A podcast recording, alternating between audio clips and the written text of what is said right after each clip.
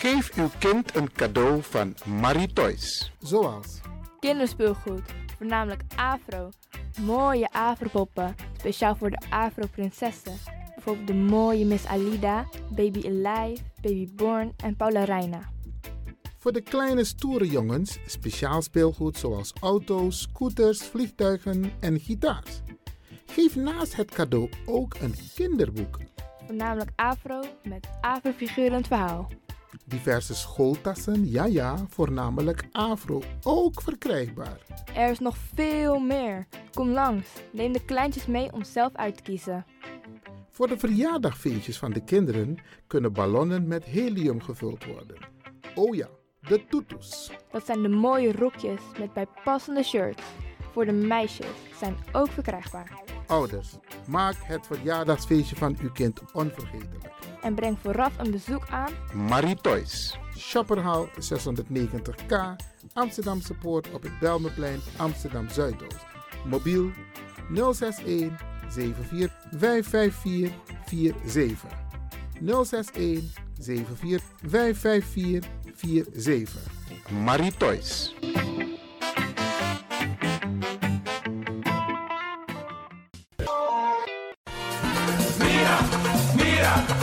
Tim me los toe pom. Ik heb echt trek in een lekkere pom. Maar ik heb geen tijd. Ting no de. Awatra elona mofo. Ik begin nu al te watertanden. Atesi fufosi. Die authentieke smaak. Zwa de biggies maar bij mek. Zoals onze grootmoeder het altijd maakte. Je sabi toch, een grandma? Heb je wel eens gehoord van die producten van Mira's? Zoals die pommix. Met die pommix van Mira's heb je in een handomdraai je authentieke pom naar een atesi fufosi. Hoe dan? In die pommix van Mira zitten alle natuurlijke basisingrediënten die je nodig hebt voor het maken van een vegapom. Maar je kan making ook doen naar meti. Natuurlijk. Gimtori. Alles wat je wilt toevoegen van jezelf, alla sansa you want pot voor je srefi, is mogelijk. Ook verkrijgbaar Mira's diverse smaken Surinaamse stroop. Zoals gember, marcousa, cola, kersen en ananas. De pommix en al deze producten zijn te verkrijgen bij Supertoco Amsterdamse Poort, Supertoco Amsterdamse Reigersbos, Oriental in Duivendrecht, Suribazaar in Soetermeer, Dennis op de Markt, Van Osdorpplein, Sierplein en Plein 40 45. Miras, dat naman.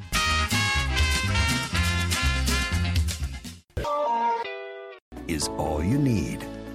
And when the time comes, we'll all come back stronger than ever. Together. De wereld is drastisch veranderd. Per 1 juni 2020 is het in Nederland verplicht dat iedereen ouder dan 13 jaar een mondkapje op moet hebben tijdens het reizen met het openbaar vervoer. In de trein, in de metro, in de bus, in de tram, op de veerpont en met het aanvullend openbaar vervoer. Zonder mondkapje wordt men verzocht uit te stappen en riskeert men een boete van 95 euro. Bent u al voorbereid op deze nieuwe maatregel? Bent u al in het bezit van mondkapjes? Mondkapje Benelux biedt u kwalitatief goede mondkapjes voor een redelijke prijs. Hoe komt u in het bezit van deze mondkapjes? Met andere woorden, waar kunt u ze bestellen? Dat kan via www.mondkapjebenelux.nl. Ook te bestellen via Facebook op Mondkapje Benelux. Aarzel niet en bestel via www.mondkapjebenelux.nl of via Facebook Mondkapje Benelux. Voorkom onnodige boetes van 95 euro voor u of uw gezinsleden. Mondkapje Benelux. Samen sterk. Is all you need. And when the time comes, we'll all come back stronger than ever. Together.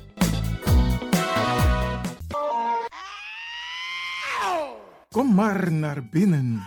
Wees welkom in je eigen wereld van Flashback. Een programma van DJ X-Don via Radio De Leon. Waarbij wij teruggaan in de tijd met muziek. Deelname als lid is simpel. Schrijf je in en doe mee. Met de vermelding van jouw naam en e-mail. E-mail djxdonmusic at gmail.com Even spellen.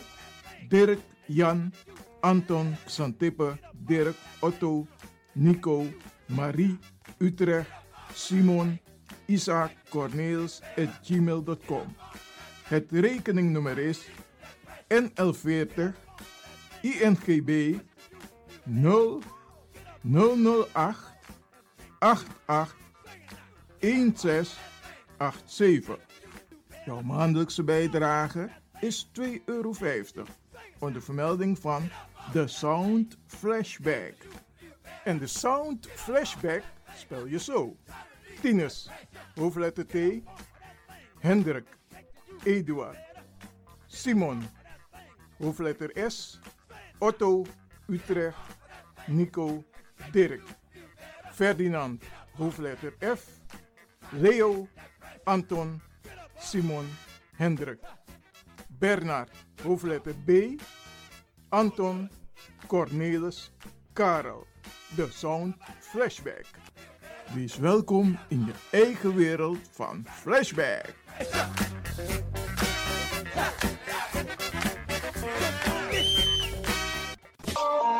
De Leon, de power station in Amsterdam.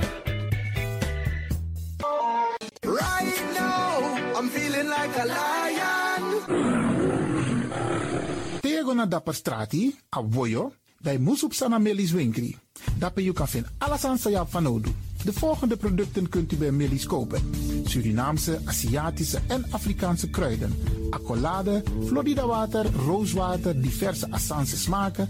Afrikaanse kalebassen, bobolo, dat na brood. Groenten uit Afrika en Suriname, verse zuurzak, yamsi, Afrikaanse gember, Chinese taier, we karing kokoyam van Afrika, kokoskronten uit Ghana, ampeng, dat naar groene banaan, uit Afrika, bloeddrukverlagende kruiden zoals white hibiscus, naar red hibiscus, tef, dat nou een natuurproduct voor diabetes en hoge bloeddruk en ook diverse vissoorten zoals bachao en nog veel meer. Kom gewoon even langs. Sakona Melis Winkri Tapuna Boyo. Melis Tropical voor African, Asian en Caribische producten. Dappermarkt aan de Dapperstraat 289 in Amsterdam Oost. Telefoonnummer is 064 256 6176 of 065 091 2943. Melis Tropical.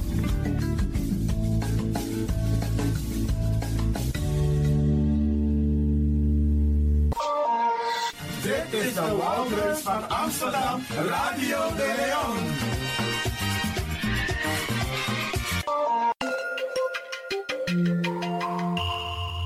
Je luistert naar Caribbean FM, de stem van Caribisch Amsterdam.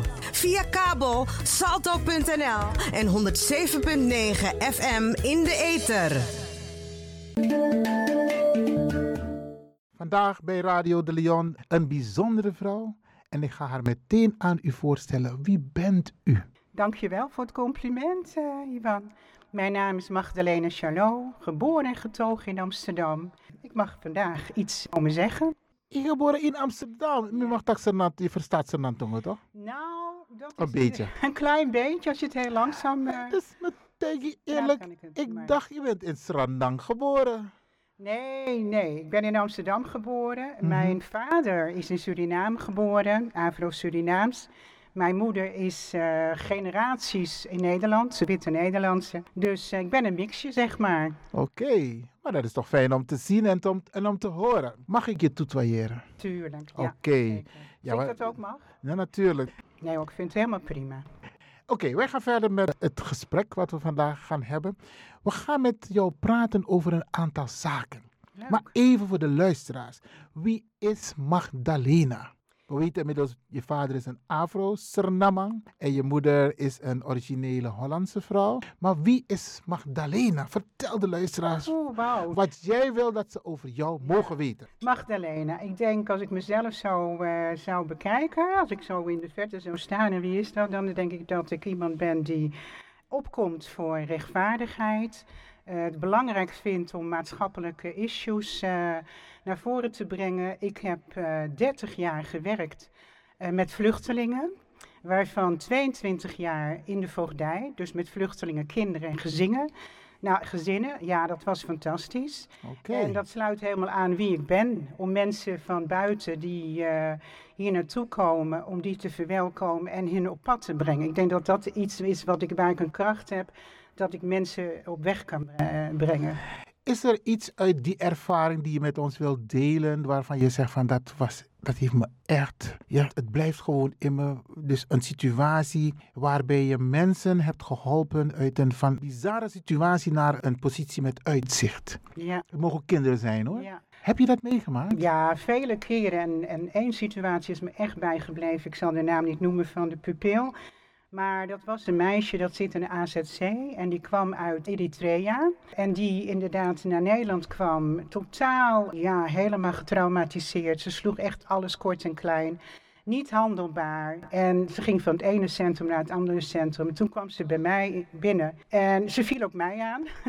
dat kan gebeuren. Maar dat had alles te maken. Ik, ik kon daar doorheen prikken. Ik zag dat dit meisje zo angstig was voor nieuwe situaties en alles wat op haar pad kwam. En af en toe werd ik gebeld door de mentoren zo van kom jij even langs als het niet goed gaat. Toen heb ik het omgedraaid. Ik zeg nou weet je wat, bel mij maar als het een keer goed gaat. En Oké. toen was het een keer rustig.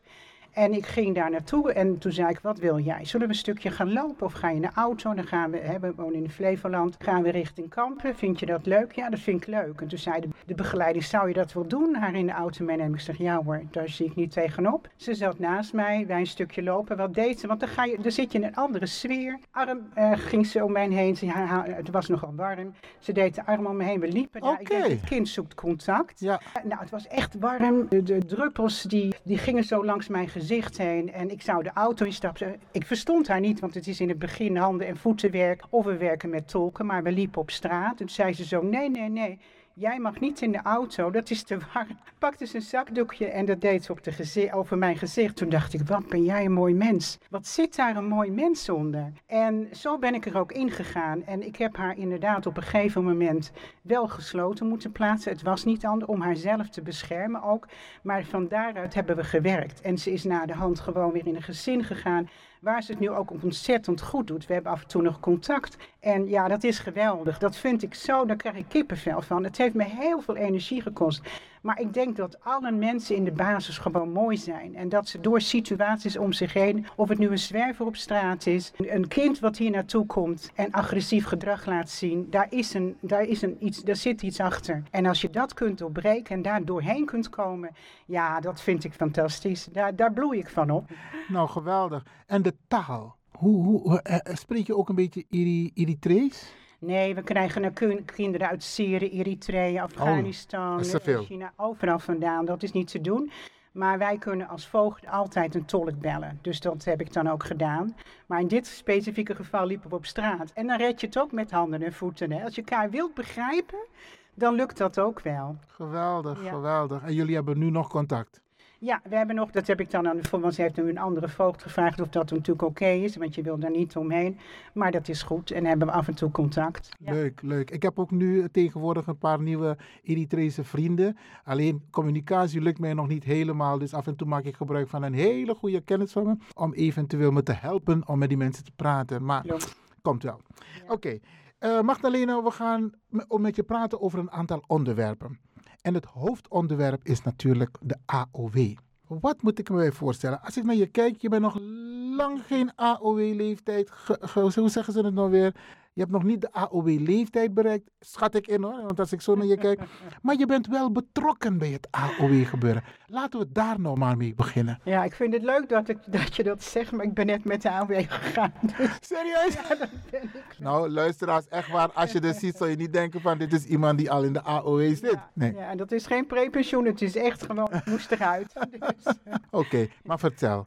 Jouw betrokkenheid. Mijn betrokkenheid. Ja, ik, uh, ik uh, heb ook natuurlijk onze achterban een aantal mensen gesproken, ouderen. En het, uh, het raakt mij als ik de verhalen hoor. Hè. Ik vind het echt goed, fijn om naar mensen te luisteren. En het raakt mij als ik zie dat de ouderen van nu de kinderen waren van toen. Die een band hebben met Nederland. Nou, we zijn laatst ook hè, voor het AOW gehad, zijn we naar de Tweede Kamer geweest. En ja, daar zie je dingen gebeuren dat ik denk, het gaat alleen maar over cijfertjes. En over of we wel gelijk hebben.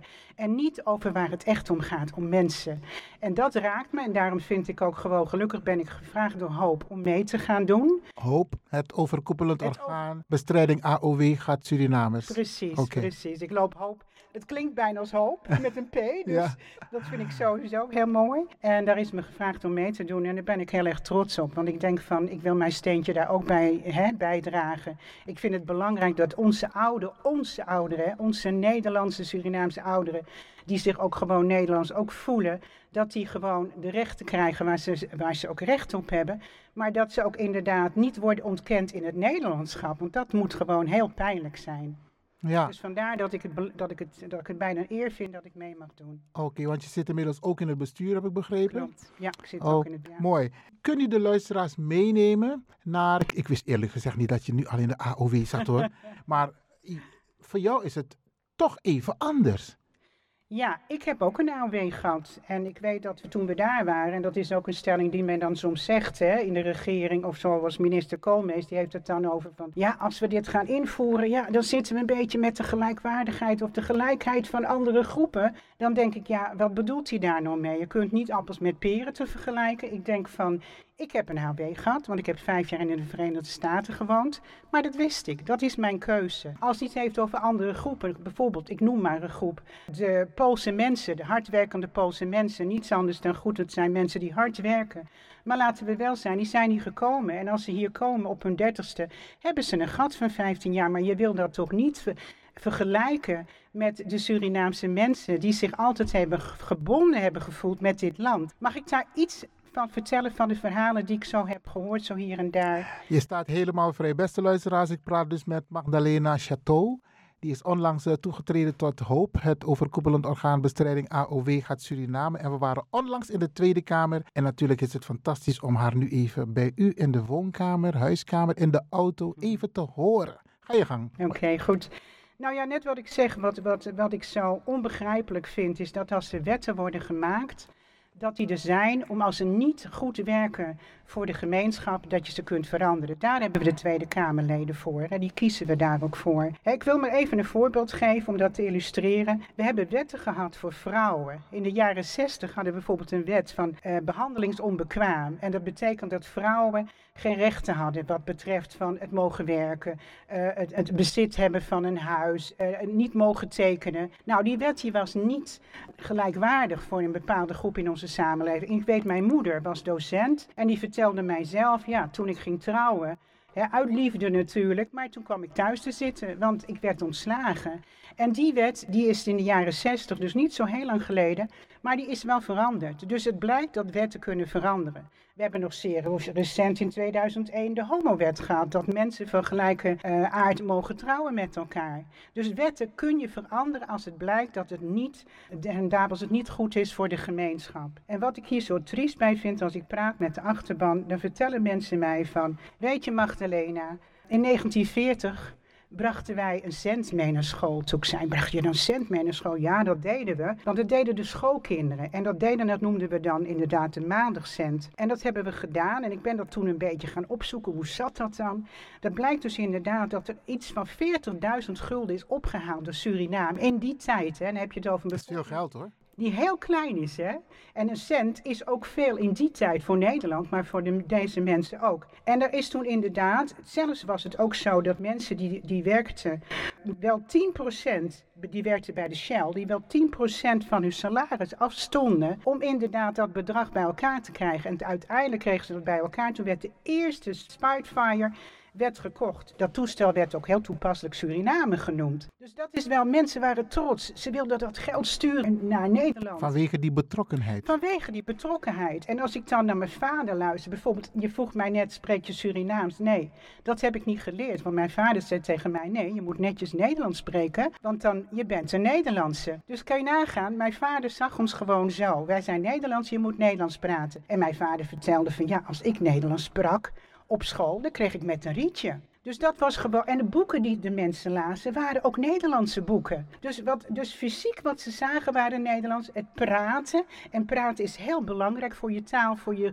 gedachten, voor je beleving. Was Nederlands. De vlaggen die ze rondom zagen in de koloniën, wat mijn moeder vertelde, dat waren Nederlandse vlaggen. De koningin die kwamen, die, die naar Suriname kwam, dat was, en daar waren ze trots op. Dat was onze koningin. En dat zijn wel de mensen die die beleving hadden. Dat zijn de kinderen van toen, die nu de ouderen zijn. Ja. Dus hoe kan je nou zeggen dat je, dat, dat je deze mensen gaat ontkennen in dat wat ze altijd gevoeld hebben? En andere wat ik heb gelezen bijvoorbeeld is dat in 19, want het zeiden ze ook, ja nee, maar we hebben ook daarna wel geld eh, betaald. En dat heb ik gehoord van de generatie iets daarna. Die zeiden van ja, in 1953 hebben we hier de waternoodsramp gehad. Er waren vrouwen, dat zijn nu de ouderen weer, jonge vrouwen, die gingen breien. Konden niet breien, dat moesten ze leren. Oké. want ja, je hoeft Ja, toch want- geen sokken te breien in een warm land of een, een dikke das. Dat deed je voor de kinderen in Nederland. Dat deed je vanuit betrokkenheid. Dus zowel En dat hebben de Surinamers toen de tijd in Suriname gedaan voor Nederland. voor Nederland. Die hebben dus inderdaad dat grote bedrag om de eerste Spitfire te kunnen kopen voor Nederland. Hebben ze gedaan.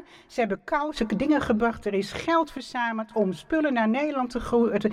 Dat is inderdaad de betrokkenheid. En als je dat hebt, dan kun je dat niet vergelijken met bepaalde groepen. Dan heb ik het niet over eeuwen. Ik heb het over deze mensen die daar middenin geleefd hebben in de koloniën, die dat hebben meegemaakt. Nou, dat zijn de verhalen die ik heb gehoord van de mensen om mij heen. En dat vind ik zo mooi. En dan denk ik van ja, dan vind ik, dan zou ik bijna willen zeggen, regering, ga je schamen. Ga je schamen en verschuil je niet achter wetten. En doe een, wees fatsoenlijk en, en, en voer een fatsoenlijk beleid. Waar mens, menswaardigheid. En kijk naar onze eigen geschiedenis van Nederland. We hebben altijd wetten veranderd. Wetten kun je veranderen. Als het niet menswaardig is, moet je ermee stoppen. Nou, mooi dat je deze twee voorbeelden aanhaalt. Ik denk dat het voor heel veel Surinamers ook even goed is om dit te weten. Van hé, wij zijn niet zomaar betrokken. En het gevoel wat mensen toen de tijd hadden ten aanzien van het Nederlanderschap, het koninkrijk, weet je.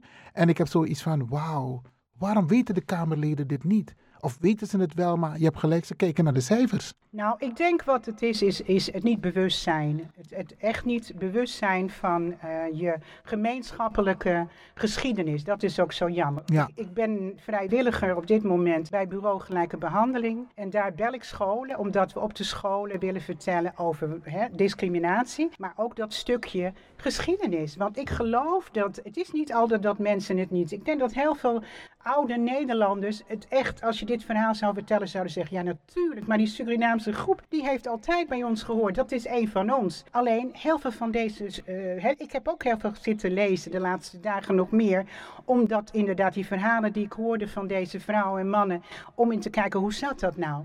Dus ik zal zeker dit soort verhalen, als daar, eh, zal ik de ruimte proberen te nemen om die ook te vertellen. En dat is het gewoon. Het is, we zijn niet bewust van onze, niet van de Surinaamse geschiedenis, niet van de, van de Afro-Surinamer of andere culturen, maar van de Nederlandse. Het is onze gedeelde geschiedenis. En dat we dat niet weten, en ik denk ook meneer Koolmees, waarschijnlijk niet helemaal minister Koolmees, anders zou je dit niet zo, dan ben je geen right fighter, maar dan zeg je, weet je, Misschien zijn er toen afspraken gemaakt door de hoge heren, maar dat is in nadeel, ter nadele van de bevolking hier. Onze ouderen en onze ouderen, dat is een fatsoen en dat is een morele plicht om ervoor de zorg te dragen dat mensen niet onder de armoedegrens terecht kunnen komen. Dat vind ik gewoon een morele plicht en dat zou onze minister en de regering ook moeten vinden. Prachtig. Nou, Magdalena, wij waren in de Tweede Kamer. Jij was er ook. Wat was jouw ervaring?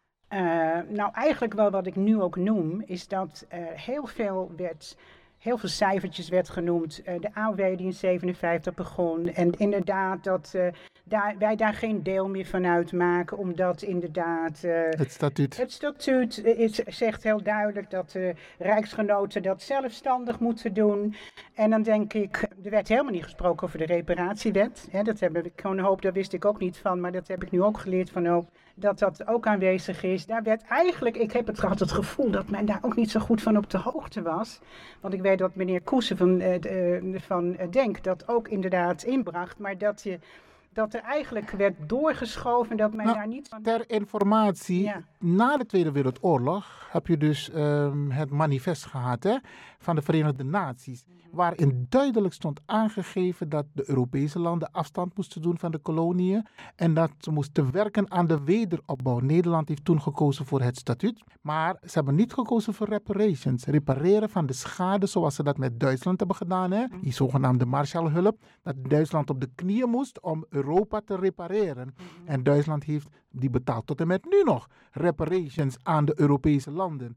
Dus inderdaad, ten tijde van het afstand doen van de koloniën, in dit geval via het statuut, heeft Nederland daar eh, zijn huiswerk niet gedaan. Ondanks het feit dat het bij de Verenigde Naties was afgesproken. Over reparations, het was wel enigszins aan de orde. Maar ergens heeft men zitten slapen. En ik denk ook in Suriname om ervoor te zorgen dat dit ook een punt op de agenda zou komen, moet komen te staan. Ja. Ja. Ik denk dat Suriname heel blij was met de onafhankelijkheid toen. Want ik vind Suriname is een trots volk. Een volk dat zegt van wij gaan het zelf doen. En inderdaad, misschien is dat niet meegenomen. En dat hebben de heren toen met elkaar daarboven dan inderdaad op papier gezet. Maar dat mag nooit ten koste gaan van mensen gewoon op de vloer die daar last van hebben. En als het zo blijkt dat het niet goed is, dan moeten we dat Ja, Jan Pronke die heeft in zijn boek ook aangegeven dat er een aantal fouten zijn gemaakt. Ja. Als het gaat om wat er tussen Suriname en Nederland is afgesproken. We gaan vanuit Radio de Leon ook eh, een van de uitzendingen daaraan besteden. Om duidelijk aan te geven waar heeft Jan Pronk het concreet over. Welke fouten zijn er gemaakt door Nederland als het gaat om Suriname. Maar goed, ik heb je even onderbroken. Nee, nee, maar dat is, nee, jij bent daar veel beter in, in, in deze achtergrond, in de achtergrond. Dus ik vind het alleen maar goed, ik leer daarvan. Ik denk wat wel mooi is, je vraagt wat, wat is me bijgebleven.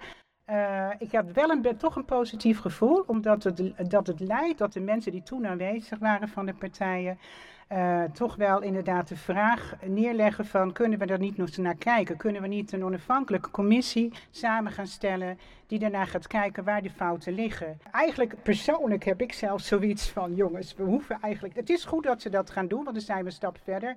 Humaan gezien is het net als met die andere wetten van vrouwenwetten, homowetten, weten we eigenlijk dat het niet kan, omdat er mensen eh, onder de armoedegrens hierdoor komen te leven. Dus wat zou je nou moeten uitzoeken? Je zou je eigenlijk moeten richten op het humane aspect. Maar goed, om het even helemaal goed te doen, misschien ook wel om het helder te maken dat er fouten zijn gemaakt en dat we misschien zaken of dat we zaken kunnen repareren, is het inderdaad wel goed om dan een commissie samen te stellen die daarna gaat kijken. Maar laten we daarbij alsjeblieft niet het humane aspect uit het oog verliezen. We gaan even naar een korte onderbreking. En dan komen we zo terug. Beste luisteraars, blijf aan de radio gekluisterd. We praten hier met Magdalena Chateau. En die is bestuurslid van het overkoepelend orgaan bestrijding AOW Gat van de Surinamers. We komen zo bij u terug.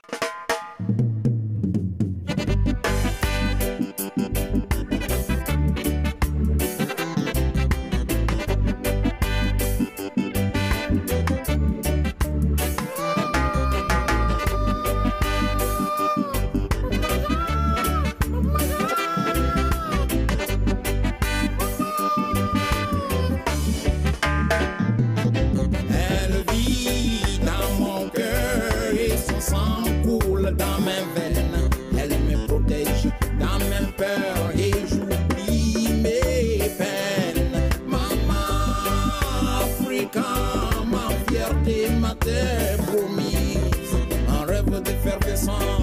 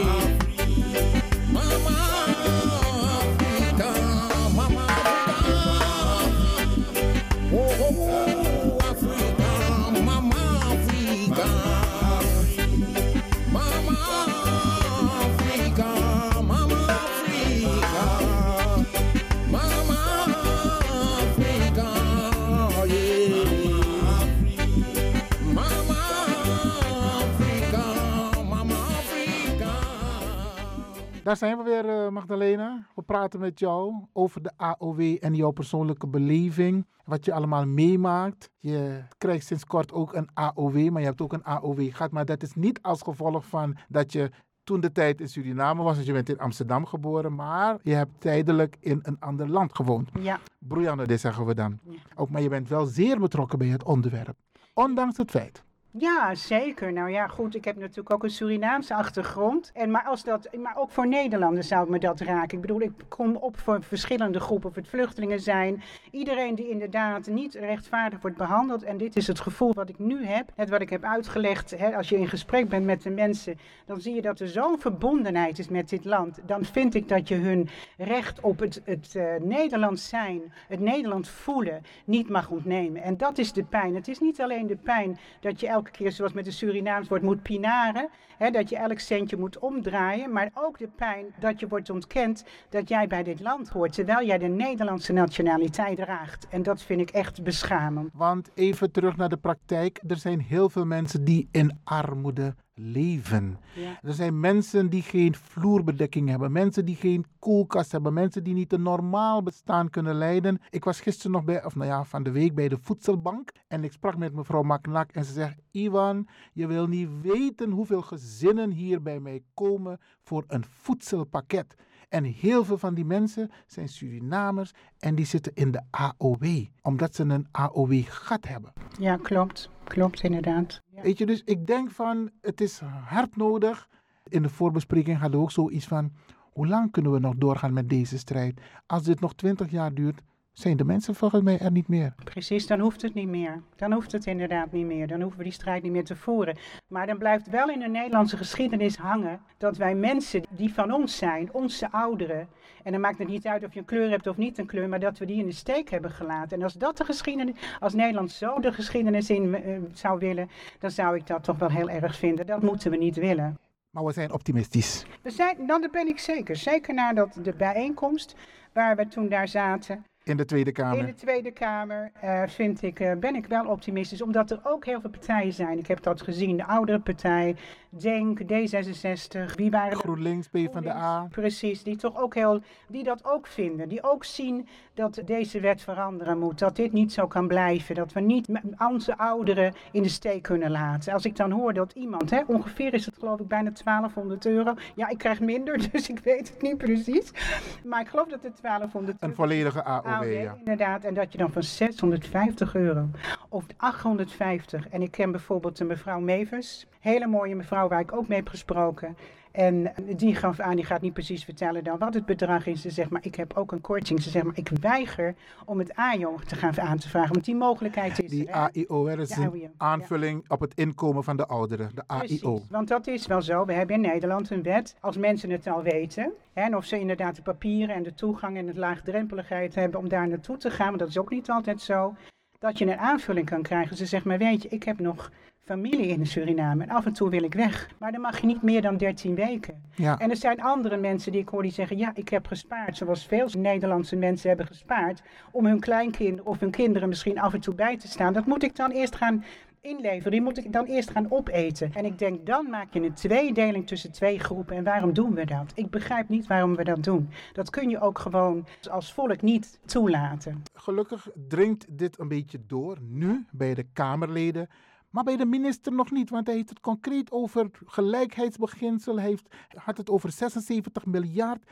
En we denken bij onszelf, hij brengt de Kamerleden op het verkeerde been. Want het gaat hier puur om oud-rijksgenoten. Nederland en Suriname waren één koninkrijk samen met de Antillen. Turkije niet, Marokko niet. Dus hij brengt de Kamerleden ook in verwarring. En ik hoop dat, ook met jouw argumenten van daarnet, dat het een beetje tot hem zal gaan doordringen. Ik hoop dat hij dat ook begrijpt. Nou, die 76 miljard, die begrijp ik niet zo goed. Want als mensen... Heeft alles op één hoop gegooid. Alles op één hoop. Maar dan, dan ook als alle anderen er, er vanaf worden gerekend, dan denk ik, ja, hoe bereken je dat? Bereken je dat dan, dat dat is wat te kosten? Maar mensen hebben gewoon recht op AW. Het is het kleine deel wat erbij moet, zodat ze een volwaardige AW hebben. Dat kan nooit 76 miljard zijn, lijkt mij. Dus ik weet dat, dat moet hij dan maar uitleggen, dat weet ik niet. Maar nogmaals, ik vind het ook niet terecht met alle argumenten die ik ook net heb gezien. De, de verbondenheid die dat de Surinaamse Nederlanders, Nederlanders hè, hebben, ze hebben nationaliteit, een Ja. Nederlands paspoort, dat, dat die dan gelijk worden gezet met bijvoorbeeld Poolse mensen. Nogmaals, prima mensen, maar dat kun je toch niet naast elkaar neerzetten. En dat zijn ook mensen die dat weten. Ik wist het ook toen ik naar de Verenigde Staten ging. ging. Ik krijg het niet, heel terecht. Oké, nou is binnenkort de plenaire vergadering waarbij het voorstel, de motie van D66 zal worden besproken. En even voorzichtig zeggen, in ons persbericht zeggen we het wordt aangenomen. Maar jij gaf aan van wacht eens even, laten we het zo noemen totdat het daadwerkelijk is aangenomen. Want men kan nog enigszins van gedachten gaan veranderen. Ik hoop het niet hoor. Ik ga er ook niet van uit. Want je kan niet in de commissie A zeggen en vervolgens in de plenaire vergadering B. Mogen we hoopvol zijn? Ik vind het wel. Als ik dat zo zag, eh, toch de sprekers, hè, inderdaad, toch wel ben ik hoopvol. En ik ben ook een hoopvol mens. En ik geloof ook dat je niet kunt maken. Als je goed kijkt, kun je niet maken dan anders dan hoopvol te zijn. Omdat ik denk, we moeten toch. Nederland staat prat op menswaardig zijn. We, we zijn degene die vaak een vingertje opwijst naar andere mensen, andere culturen van hoe ze het moeten doen. Hè. Dat, daar hebben wij toch, daar, daar zo staan we een beetje. Dan laten we dan zelf zijn, laten zien dat wij ook humaan kunnen zijn. En dat we wetten die we bijvoorbeeld voor vrouwen ook hebben veranderd, omdat het voor die groep niet menswaardig Ja. was, laten we het voor deze mensengroep dan ook doen. En Ja. net wat je zegt, als we lang wachten, hoeft het ook niet meer. En dat moeten we niet willen. Dan moet, zo moeten we niet de geschiedenis. Ik zou mij heel erg schamen als wij zo de geschiedenis ingaan. Dat is een van onze bestuursleden, beste luisteraars, Magdalena Chateau. We zijn blij met je hoor, echt waar? Ja, ja, Ja, ja. ik ben ook heel enthousiast om mee te mogen doen, zeker. Geweldig, geweldig. Nou, we zijn een, eh, een leuk team en we verstaan elkaar. En we communiceren ook helder met elkaar. Dat is even by side. De mensen mogen dat wel even weten. Maar Magdalena, had je nog iets waarvan je denkt van dit wil je nog even... Ik neem aan dat dit niet de eerste en de laatste keer is dat je bij Radio de Leon komt. Nee, dat is zeker niet de laatste keer. Wat ik belangrijk vind is, ik hoop dat we ook andere mensen kunnen bereiken. We moeten nog even kijken hoe we dat kunnen doen inderdaad. Want ik, ik ben ervan overtuigd, als dit breder inderdaad in de media of wat dan ook, omdat er genoeg... En natuurlijk, we zitten met corona. Het is een moeilijke tijd voor iedereen, maar Nederlanders zijn ook rechtvaardig. En ik denk dat als we dat naar buiten zouden brengen, dat er genoeg mensen zijn die zeggen, ja, maar dit kan niet. Dit moet veranderen. Ja. En dat is inderdaad wat ik hoop. Ik heb een klein gedichtje meegenomen, mag ik dat voorlezen? Natuurlijk. Dus ik vind het ook, waarom ik dat ook zeg, is dat het belangrijk is dat we met z'n allen, eh, wie dan ook, witte, zwarte, eh, buitenlandse mensen die hier zijn, dat we met elkaar strijden voor doelen die niet te rechtvaardig zijn. Solidariteit. Solidariteit. Oké. Ik heb hier een, eh, een gedichtje van meneer Nieman. Dat is een meneer die, dat was een priester, ook een soldaat en priester in het Duits eh, toen de tijd in 1945. Hij moest inderdaad naar een kamp toe omdat hij predikte tegen Hitler toen de tijd, tegen het regime. En eh, hij had toen ook zo'n soort gedicht. Ik heb, het is nu op dit moment vertaald naar deze tijd. En ik wil het even voorlezen. Ga je gang. Toen zwarten werden gediscrimineerd, heb ik gezwegen, want ik ben niet zwart. Toen de vluchtelingen weg werden gestuurd, heb ik gezwegen, want ik ben geen vluchteling. Toen vrouwen werden gediscrimineerd, heb ik gezwegen, want ik ben geen vrouw. Toen homo's in elkaar werden geslagen, heb ik gezwegen, want ik ben geen homo. Toen er een hoofddoek bij een moslima van het hoofd werd getrokken, heb ik gezwegen, want ik ben geen moslim. En toen ik aan de beurt was, was er niemand meer over die nog kon protesteren. En dat vind ik zo'n mooi gedicht, omdat ik denk, dat is de reden als je vraagt waarom doe je dit, denk ik van ja, als je, als je niet opkomt voor die ander, zal er ook niemand een keer zijn. Want we zijn misschien op welke manier ook een keer aan de beurt, hoe dat ook kan zijn. Het, is, zijn vrouwen geweest, het is geslacht, het zijn ouderen. Wie weet wat ons, eh, wat ons nog eh, in het verschiet ligt, dat moeten we nog zien. Dus daar, daarom mensen, luisteraars ook, Ga inderdaad hiervoor voor stem ook. Hè, de stemverkiezingen komen eraan. Ja. Ik ben niet aan het lobbyen of hoe dan ook. Ik heb geen enkele politieke partij waarvan ik ga zeggen daar of daar moet je op stemmen. Ik heb er eentje voor je hoor. Oh, oké. goed. Ja, ja, ja, ja. Mag je me zo vertellen? Maar in ieder geval, kijk dan misschien ook van, nou, wie is de menswaardig? Wie gaat inderdaad voor ons. En dan is het misschien goed om dan te gaan kijken. Ik, heb, ik, heb, zal niet zeggen wie of wat, maar dat vind ik wel belangrijk. Hè? Dat we daar met elkaar menswaardigheid, dat we daar met elkaar gaan verstaan. Magdalena Chateau, geweldig. Dankjewel Dank voor dit wel. gesprek. Dankjewel. Next train will be leaving from platform 1.